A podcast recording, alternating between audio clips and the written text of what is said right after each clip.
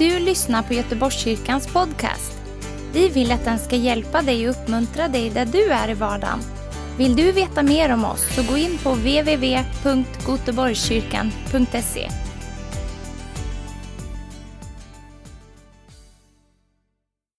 Vi börjar närma oss slutet på Romarbrevet och eh, det är inte slut idag, även om det verkar så, eftersom jag går igenom eh, slutet på kapitel 15 och eh, vers eh, 16. Utan vi har gjort det så att väldigt lämpligt så kommer Fredrik att predika från Romarbrevet 13 som handlar om den kristne och överheten nästa söndag. Så, så har vi valt. Vad du väljer är, det vet vi ju inte än, men vi hoppas att du väljer rätt. När det gäller romabrevet så är det ju helt fantastiskt, men det, det, är inte lätt att veta när det skrevs och var det skrevs ifrån. Man tror att Paulus skrev det ifrån Korint, ungefär 25 år efter pingstdagen. Så det har hänt en del. En del, eh, tror att, eh, eh, en del har trott att Paulus skrev det här till sina lärjungar och sin församling i Rom som han varit med och planterat. Han hade inte planterat eh, den här församlingen, men han hade många nära vänner som bodde där just då. Förmodligen så har eh, de eh, som startade församlingen tagit till sig evangeliet, kanske redan på pingstdagen. Det vet man ju inte. Men det fanns en församling i världens mäktigaste stad. Och så skriver Paulus detta fantastiska brev. Och det slutar mycket med att Paulus erkänner och uppmuntrar och ger personliga hälsningar och hedrar sina medarbetare eh, och vänner och allt det där.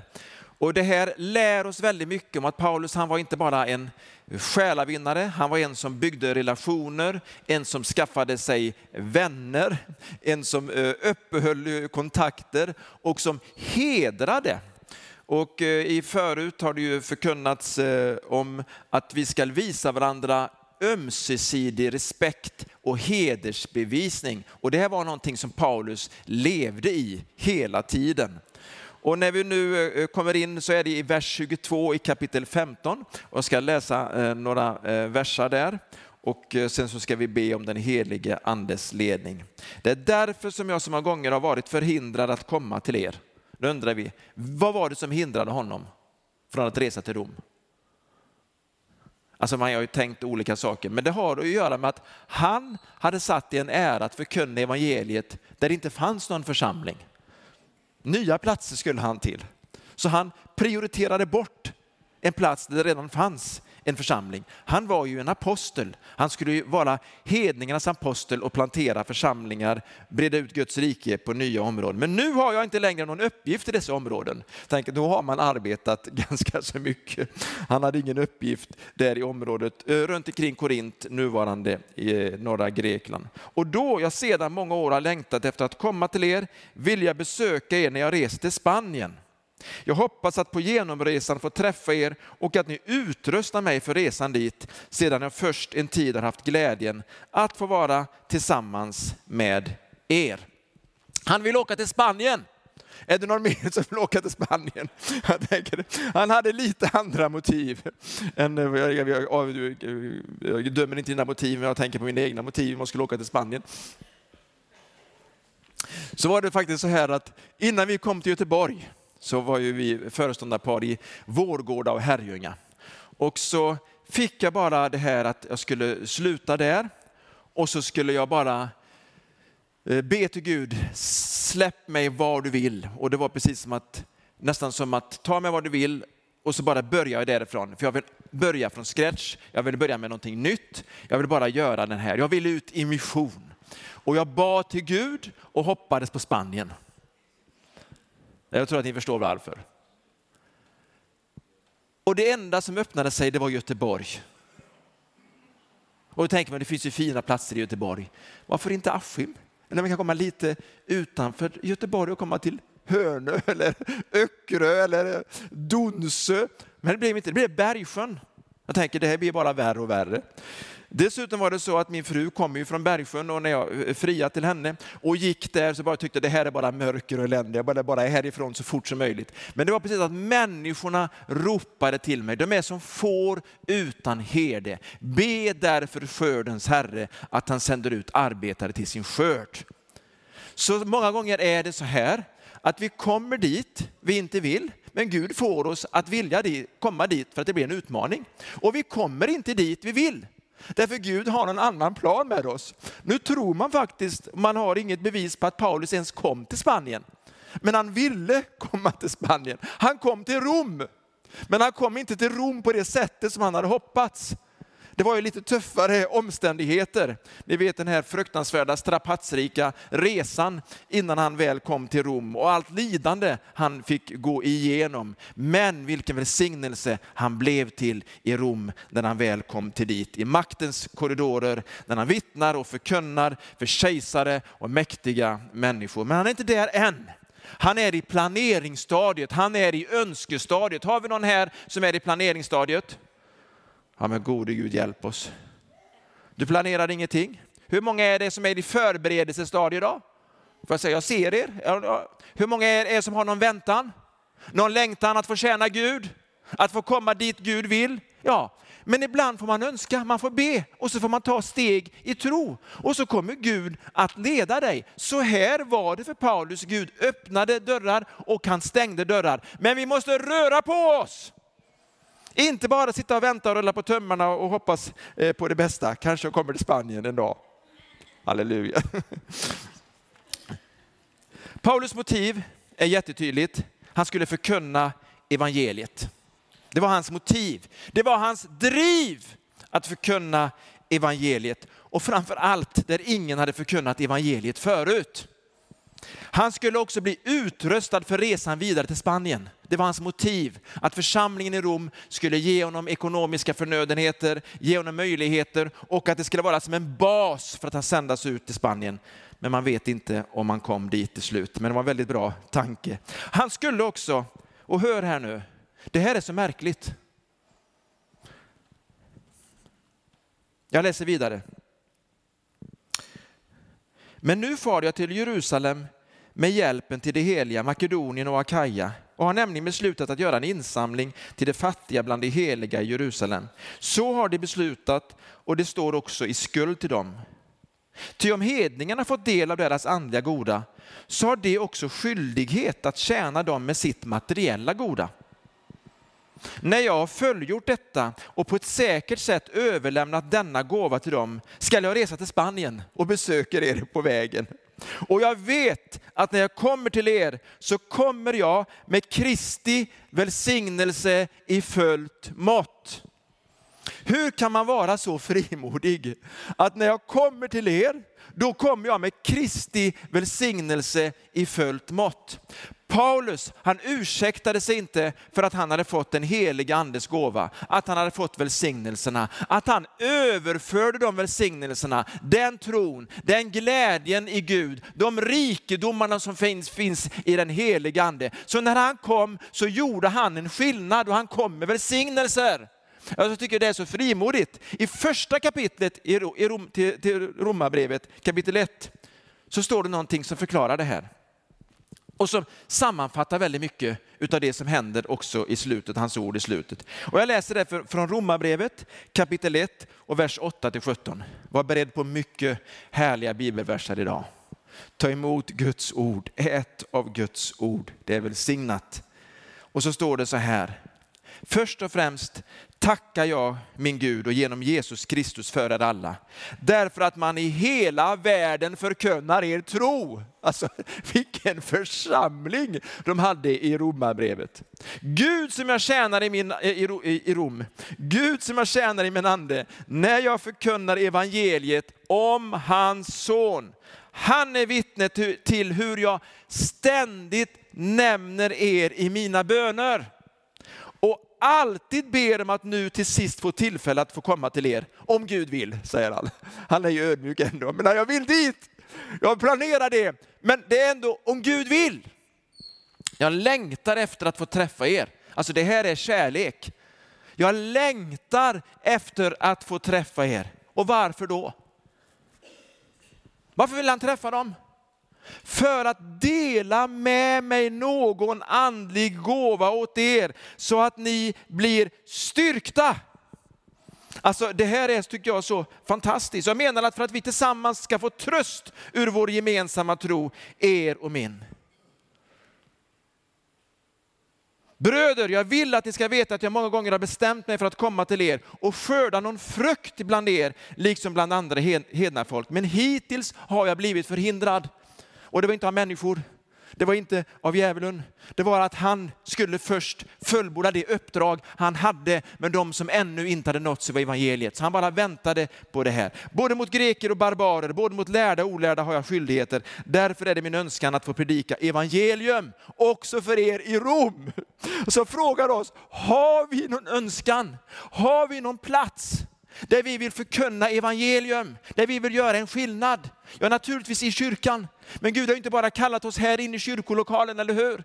Det är inte så många som har tillgång till den här plattformen, men du har ju tillgång till så många plattformar på din arbetsplats. Där du är på din fritid, i din skola, i din släkt, släktkalas, familjen, på många platser. Men också när vi är någon annanstans, i någon annan stad och till och med på semester på Kanarieöarna eller i Grekland. Så har vi möjligheter att förkunna evangeliet om vi vill. Och det märkliga är, när vi vill så ställer Gud människor framför oss. När vi inte vill så är det precis som att han tar hänsyn till det. Jag liksom ser lite gömmen och jag sänder någon annan. Men även kan det vara så, bara vi har bett den här bönen så öppnar det sig en möjlighet. För Gud vill ha villiga medarbetare. Så frågar församlingen, vill vi? Ja, om jag kommer till Spanien. Han fungerade där han var. Han fungerade dit han kom. Han fungerade på resan dit. Det var Paulus. Vilket föredöme! Det var 24-7. Jag älskar det här. Jag blir så inspirerad av Paulus liv och hans brev. Nu går vi tillbaka till romabrevet så undrar vi hur förmedlar man en andlig gåva? Jag ska ge ett exempel. När vi är med människor och vi bara pratar ytligt, inte gör någon skillnad, gnäller lite lagom, smickrar lite lagom, det gör ingen större skillnad, eller hur? Men när vi agerar i vår gåva, den nåd som Gud har gett oss, då gör vi en skillnad. Och vi gick igenom det här på församlingsdagen i Romarbrevet 8. Att vi har olika gåvor. Vers 6 till 8, Romarbrevet 12, förlåt. Och det är olika gåvor. Och de här gåvorna gör att vi blir ett väldigt bra team. Paulus han kom inte som gåvan. Han kom för att dela med sig av den gåva, den smörjelse, den nåd, den påverkan som han hade fått. Och det står i Romarbrevet 6, 7, 8, de verserna, att någon profeterar, talar in sanning. Någon annan hjälper till praktiskt. Någon annan undervisar. En fjärde är där och peppar och uppmuntrar. En femte delar ut gåvor generöst, avhjälper fysiska behov. Någon annan har ledarskap och samordnar. Och ytterligare någon är barmhärtig och bryr sig om människor och är medkännande. Vill du vara med i det laget? Jag säger bara yes, jag vill vara med i det laget. Men när du kommer med din gåva så delar du med dig utav Kristus. Hans kärlek talar igenom dig när du agerar i någon gåva. Ni vet ju att jag får den frågan ibland av någon konstig anledning. Vilket kärleksspråk har du Christian? Att de har inte lyckats komma på. Ungefär som att, kommunicerar du någon kärlek överhuvudtaget? Jag säger, jag säger det, för mig att kommunicera kärlek är att fungera i min gåva och använda den med rätt motiv. Så när jag undervisar någon och instruerar någon så är det något driv inom mig. Jag tycker att det är roligt, jag går igång på det. Om du lär mig någonting om rymden och jag kan tre saker om rymden, då vill jag bara berätta någon sak, de, de tre sakerna för dig om rymden. Så funkar jag. Så jag började undervisa som nyfrälst. Jag började halvpredika efter fyra, fem dagar. Så fort jag fick en bibelvers, så fick, så fort jag fick någonting, så delade jag med mig. Därför att det finns, det drivet finns inom mig. Finns det också lite driv att samordna och delegera och att tala in sanningen i människors liv. Men det är olika starkt. Har du fått en gåva? Alla har vi fått en gåva. Så nu frågar jag, är, är det någon här som inte har fått någon gåva? I så fall har du missuppfattat. Du har fått en gåva. Jag tackar Gud för min gåva. Jag vill dela med mig av min andliga gåva till någon annan så att någon annan blir uppbyggd och uppmuntrad i tron. Halleluja! Amen. Förstår ni? Ja, det är bra. Förstår du? Förstår du? Halleluja! Om du förstår, berätta för någon annan. Woo! Går fortfarande. Och så står det också så här, jag läser vidare. Jag uppmanar er bröder för vår, vers 30, för vår Herre Jesu Kristus skull och för den kärlek som anden väcker. Att kämpa tillsammans med mig genom att be till Gud för mig. Be att jag blir räddad från dem i Judeen som inte tror och att den hjälp jag har med mig till Jerusalem blir väl mottagen av det heliga. Då ska jag komma till er med glädje, om Gud vill. för att vila ut tillsammans med er. Man visste hur fel han hade. Fridens Gud vare med er alla. Amen. Han tänkte jag får komma dit och få vila. Tänk vad skönt att få komma till Spanien och få vila. Och så har Gud en annan plan. Men jag tror inte att Gud inte unnar oss vila, missförstå mig inte nu. Men jag tror att ibland så underskattar vi Guds kraft och Guds nåd i våran svaghet. Att Gud kan använda oss i våran svaghet. När vi är trötta kan vi vara tillgängliga för Gud. När vi är pigga, när vi är tuffa, när vi är rädda kan vi vara tillgängliga för Gud. Eller hur? Det är det som är poängen. Jag vill vara där för honom i ur och skur. När jag är trött, när jag är pigg, i nöd, i lust vill jag tjäna honom. Halleluja. Nu står det så här, be att jag blir räddad för dem i Judeen som inte tror så tittar jag i grekiska översättningen så står det de som inte lyder eller de som vägrar att bli övertygade. Människor som vägrar att övertygas behöver man bli räddad ifrån. Därför att de blir motståndare. Det blir något hårt. De står emot. Så här står det faktiskt. Och så står det så här som man läste, för vår Herre Jesu Kristus skull och för den kärlek som anden väcker, kämpa tillsammans med mig. Det ordet för kämpa, strive, fight. Det är samma ord som man använde när någon fightades i brottningsringen, när någon sprang eh, allt vad de orkade i ett lopp på kanske flera tusen meter. Det var det ordet som användes. Så ska vi fightas i våra böner för varandra.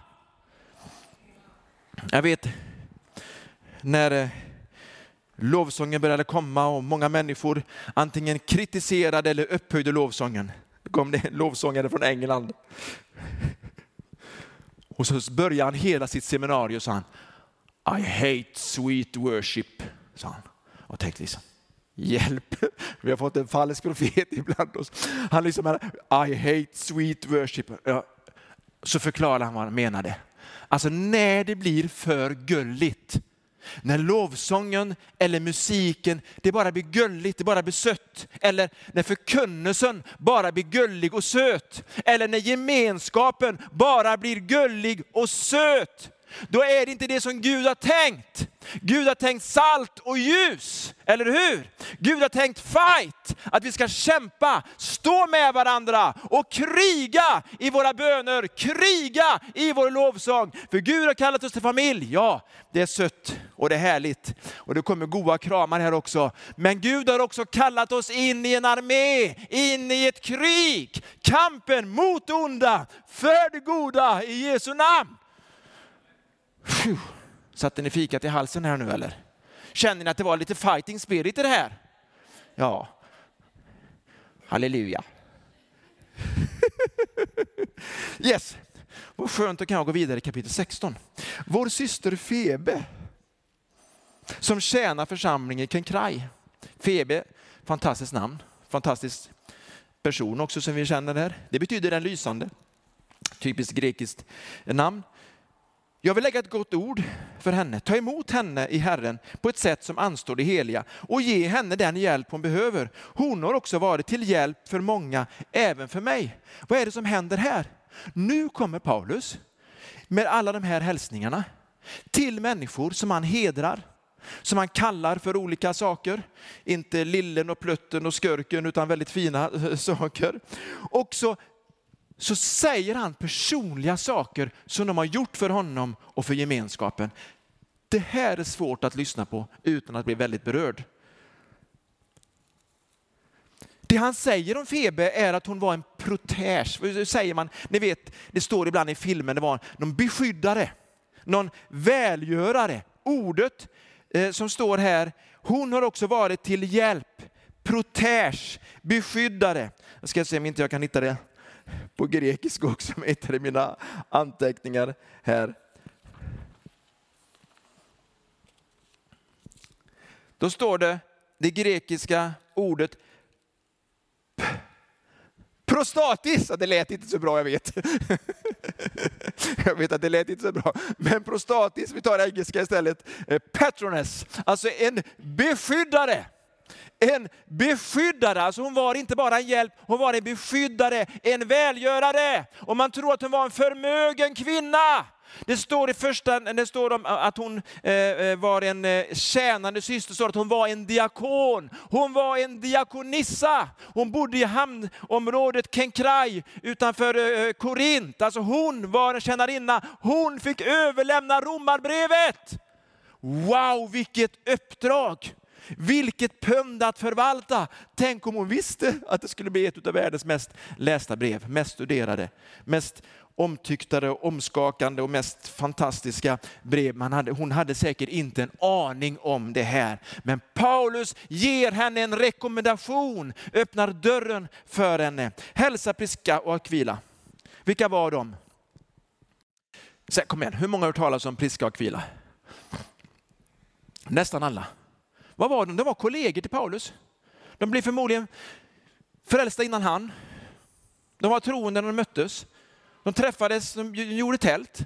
Och de var liksom bröder och systrar och medarbetare. Och de började tjäna Gud ihop.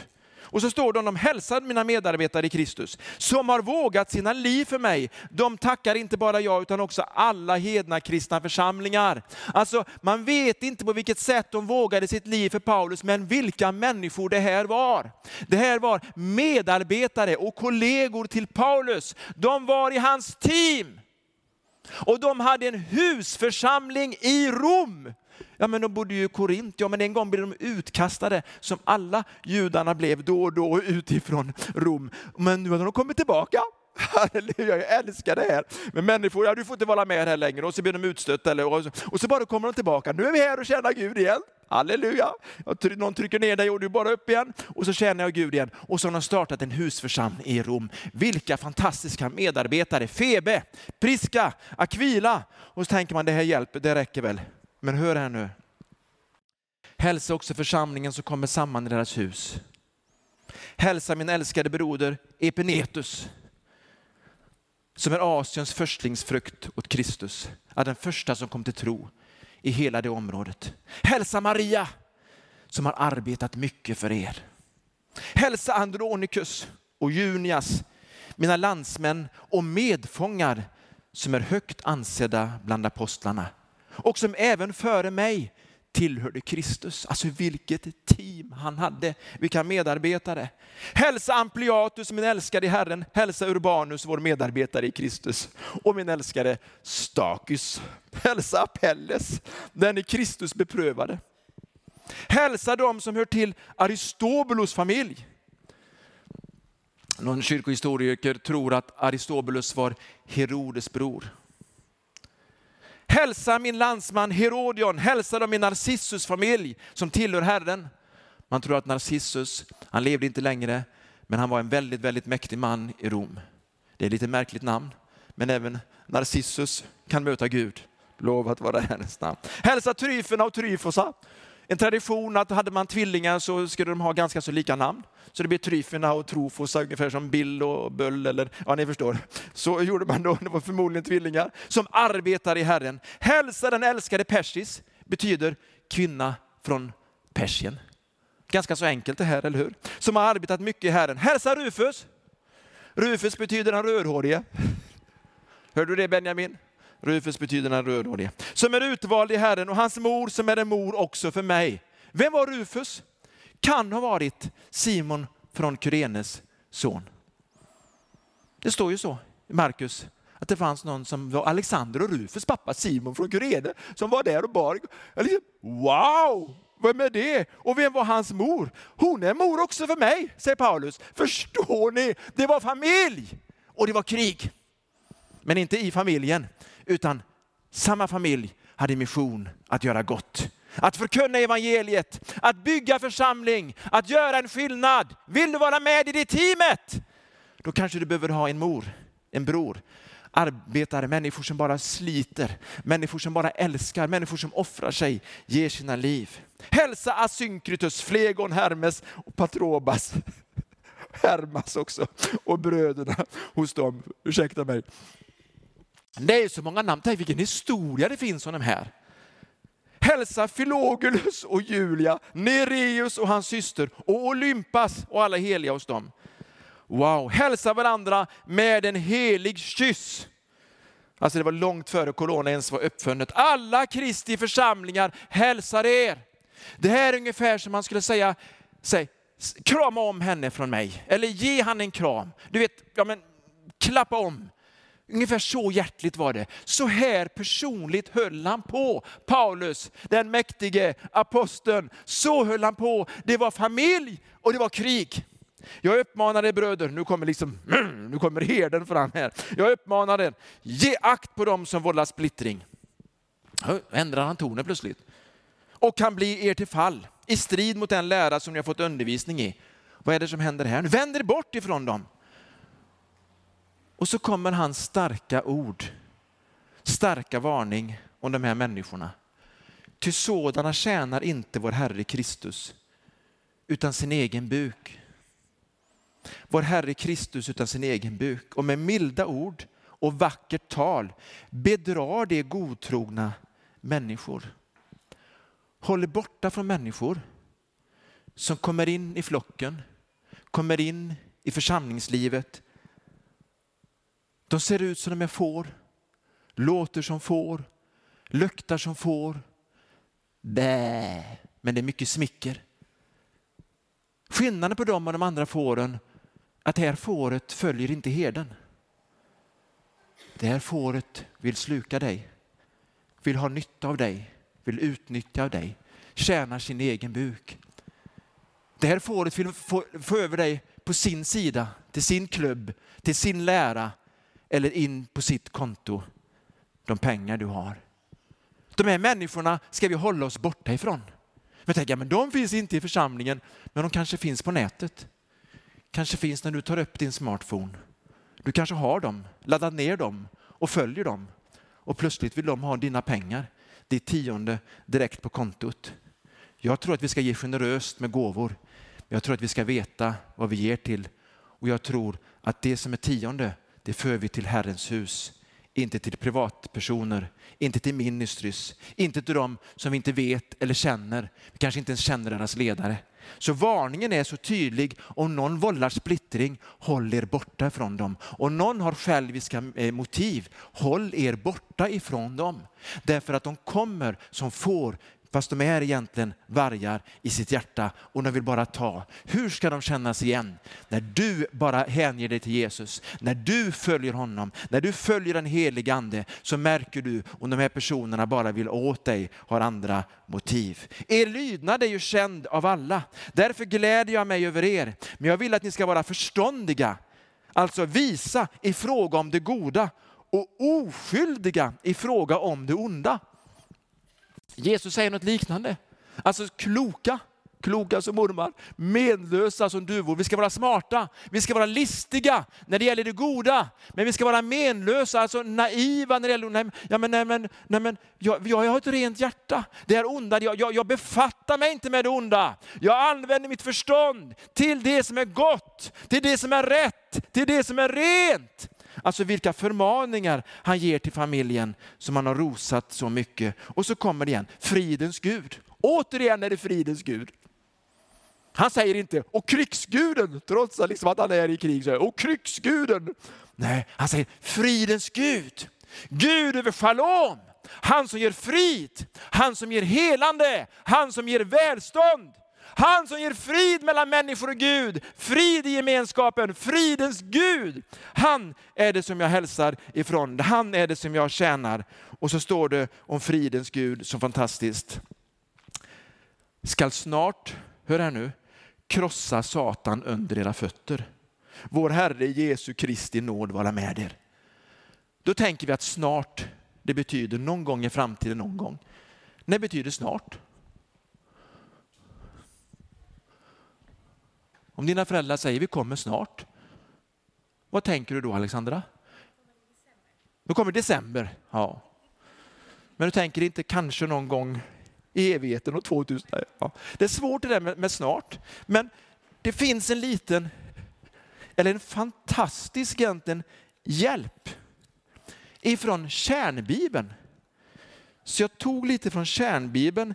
Grekiska ordet för snart beskriver hur romerska soldater marscherade med korta snabba steg.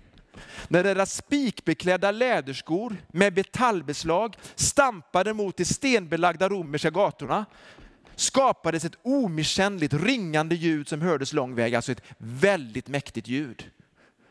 På samma sätt som vi idag väjer för ett utryckningsfordon med påslagna sirener betyder det här ljudet gå åt sidan. För ett utryckningsfort kommer, eller här kommer romerska soldater. En romersk soldat stannar inte för något eller någon. Det skulle vara en förutmjukelse för hela armén. Om en person inte hann undan eller vägrade att flytta på sig så fortsätter man rakt fram och personen blev krossad under deras fötter. Bilden som Paulus målar upp här är att om djävulen som är så dum, är så dum att han kommer i vägen för en grupp kristna, krossas han under deras fötter. Kärnbibeln tycker jag är helt okej, okay, frimodigt. Halleluja. Eller vad säger ni? Jag har inte hört det här uttrycket förut, men det är så fruktansvärt roligt. Vi är på ett bönemöte här och så har vi några finska pingstvänner med oss och så ber vi till Gud och plötsligt så är det någon som talar. Jag vet inte om du kommer ihåg det Elisabet? Plötsligt så är det någon som talar och så hör Elisabet att men det där är ju spanska. Och så är det någon av de finska eh, vännerna som hade liksom bett på tungotal på spanska. Och Elisabet, jag kommer ihåg att du tolkade så här att du sa att djävulen, du är ju dum i huvudet. Då tänkte jag att det var ett väldigt märkligt uttryck egentligen. Men ni förstår vad jag menar. Alltså det finns någonting att vi förstorar hans makt. I romabrevet så nämns Satan bara en enda gång. Och det är i förbifarten och i den här versen. Och hans plats är det lilla utrymmet som finns mellan fotsulan och marken under den kristne. Hallå! Hör ni vad jag säger eller? Vad säger eh, första Mosebok? Att kvinnans säd, alltså Kristus, kvinnans säd skall trampa, vadå? Trampa sönder, krossa ormens huvud. Har du gjort ett stamp idag? Gör ett stamp. Vi är Kristi kropp. Vi har hans auktoritet. I honom har vi den auktoriteten. När vi kommer tillsammans, när vi blir ett team, när vi marscherar fram, så är det någon som krossas snart under våra fötter. Men jag tror inte det går när det är bara lite sött och gulligt. Missförstå mig rätt. Jag tror att det går när det är kärleksfullt och när det är varmt och när vi fightas för varandra och när det är andens kärlek och när det är frimodighet och Guds folk marscherar fram. Vill du vara med i laget? Tack båda två. Jag ska anteckna. Vilka var det som sa det? Timoteus, min medarbetare, hälsar er kommer nya hälsningar. Liksom mina landsmän Lucius och Jason och Sosipater. Jag, Tertius, som har skrivit ner detta brev, hälsar er i Herren. Sekreteraren fick vara med där och skriva. Gaius, som är min och hela församlingens värd, hälsar er. Erastus, stadens kassör, alltså han hade hand om hela, alla finanserna i hela eh, Korint, hälsar er. Likaså brodern Kvartus, också ett underbart namn, det betyder nummer fyra. Man tror att han eh, senare blev eh, biskop i livet. Det är ganska så eh, intressant. Honom som förmår styrka er genom mitt evangelium, min förkunnelse om Jesus Kristus, enligt den avslöjade hemlighet som under oändliga tider har varit dold, men nu har uppenbarats och genom profetiska skrifter på den evige Gudens befallning gjort känd, för att alla, finalen nu, nu kommer det som jag tror att vi missar. Här kommer motivet. Här kommer kallelsen som Paulus hade. Påminner om missionsbefallningen, vers 26. För att alla folk skall föras till trons lydnad. Gud den ende vise tillhör äran genom Jesus Kristus i all evighet. Amen. Alltså vi har arbete kvar. Alla människor, alla folkslag ska göras till lärjungar. Alla folk ska föras in i trons lydnad. Paulus han var på god väg. Hur är det med dig och mig? Jag vill vara med i laget. Vill du vara med i laget? Du har en roll i laget. Säg inte jag kan bara be, det gör en enorm skillnad. Men be inte bara söta, själviska böner. Be krigande, fightande böner. Kämpa tillsammans med de heliga i bön. Ge dig in i kriget, var med i bönen och se till att göra en skillnad. Ja, men jag kan bara ge, om du kan ge. Wow, det var det Paulus sysslade med så mycket med givande. Han arbetade, han tjänade, han samlade in pengar. Generositetens gåva flödade. Han samlade in pengar till de fattiga i Jerusalem, moderförsamlingen. Och han ville koppla moderförsamlingen med alla hedna kristna församlingar. Och de gav mycket. Och så fick han det till slut. Alltså vi kan vara med och be och ge, men vi kan också vara med och göra allt det där andra. Ska vi stå upp?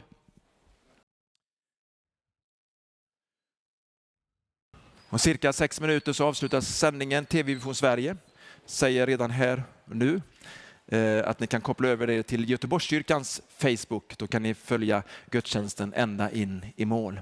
Och du som har kommit idag, som har liksom jag en önskan att få åka till Spanien eller åka till Rom och få vila ut. Men som också kan säga, men Gud, det som du vill Gud, det är ändå det bästa i mitt liv. Jag fick inte landa med min fallskärm på en spännande exotisk plats för mission. Vi hamnade i Bergsjön, vi bor där än. Känner inte att jag är klar. Men är det någonting jag är glad över så är det mitt team. Så är det ledarna, styrelsen, församlingen, min husgrupp. Jag älskar mitt team. Jag älskar min familj. Men jag älskar också alla teamen i församlingen. När pastor Josef och Anjana lämnar eh, lägret. Det sista de säger är, vilket team du har Christian, vilket bra team du har. Alltså, jag, jag kan inte få en bättre uppmuntran och jag skickar den vidare till er. Vilket bra team. Vad har du för team? Du kanske kan klaga på att du har ett dåligt team. Det är som en coach säger, jag har så dåligt team. Ja, men bygg upp ett bra team. Jag vet inte om det är någon som har sett Finnkampen någon gång. Jag förmodar att det är ett, någon mer än jag som gillar friidrott. Gud välsigna er särskilt. Men ni som inte gillar det, då ska jag förklara för er varför jag gillar det. Jag gillar friidrott så mycket när det är team och när det är lag. Jag gillar inte det individuella. Är det någonting jag direkt ogillar så är det när en fotbollsspelare får en drömpassning, petar in bollen i mål, springer iväg till hörnflaggan och tar åt sig folkets jubel. Jag tycker liksom att, hallå, gå hem och lägg dig eller gå hem till mamma. Det är ett helt lag. Hallå, det är en coach. Ära dem som äras bör, eller hur? Men hockey det är något annat och friidrott är något annat. Nu sprang de hand i hand svenskarna flera gånger. Spelar ingen roll vem som vinner, laget vann. Jag vet inte om du såg det? Tänkte liksom, gode Gud, vad är det här? Det här sport? Ja, det här är familj och sport. Jag älskar det. Men så finns det också de, också i friidrottens värld. Nej, men jag kommer inte till Finnkampen. Nej, men jag har lite ont i en tå. Svider lite i en hårsäck. Jag är lite trött nu. Jag kommer inte. Alltså, vissa stjärnor, de kommer inte. Men så är det de som får hoppa in ändå. Och så var det någon 16-åring igår som hoppade in och sprang, jag tror 400 meter. Jag tror att han kom 30 eller 40 meter efter de andra. Jag tänkte jag, wow, det där är en hjälte. Han ställde upp för att man måste ha en som springer i mål för att få ett poäng. Han bidrog med en poäng för laget, men på något sätt kanske skämde ut sig inför tv och sa, varför var du ens med? Han bidrog! Wow! Jag bara känner att ibland så känner man, oh, jag, bara, jag bara skäms, jag gör det ändå, för laget. Men ibland säger nej men jag har inte lust, någon annan får göra det, jag är lite, jag är lite glida. Jag är för, jag, det, är för, det är för liten uppgift för mig det där.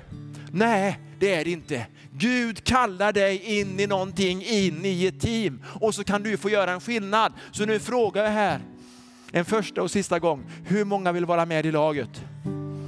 Yes! Vill du vara med i laget? Tack. Vill du vara med i laget?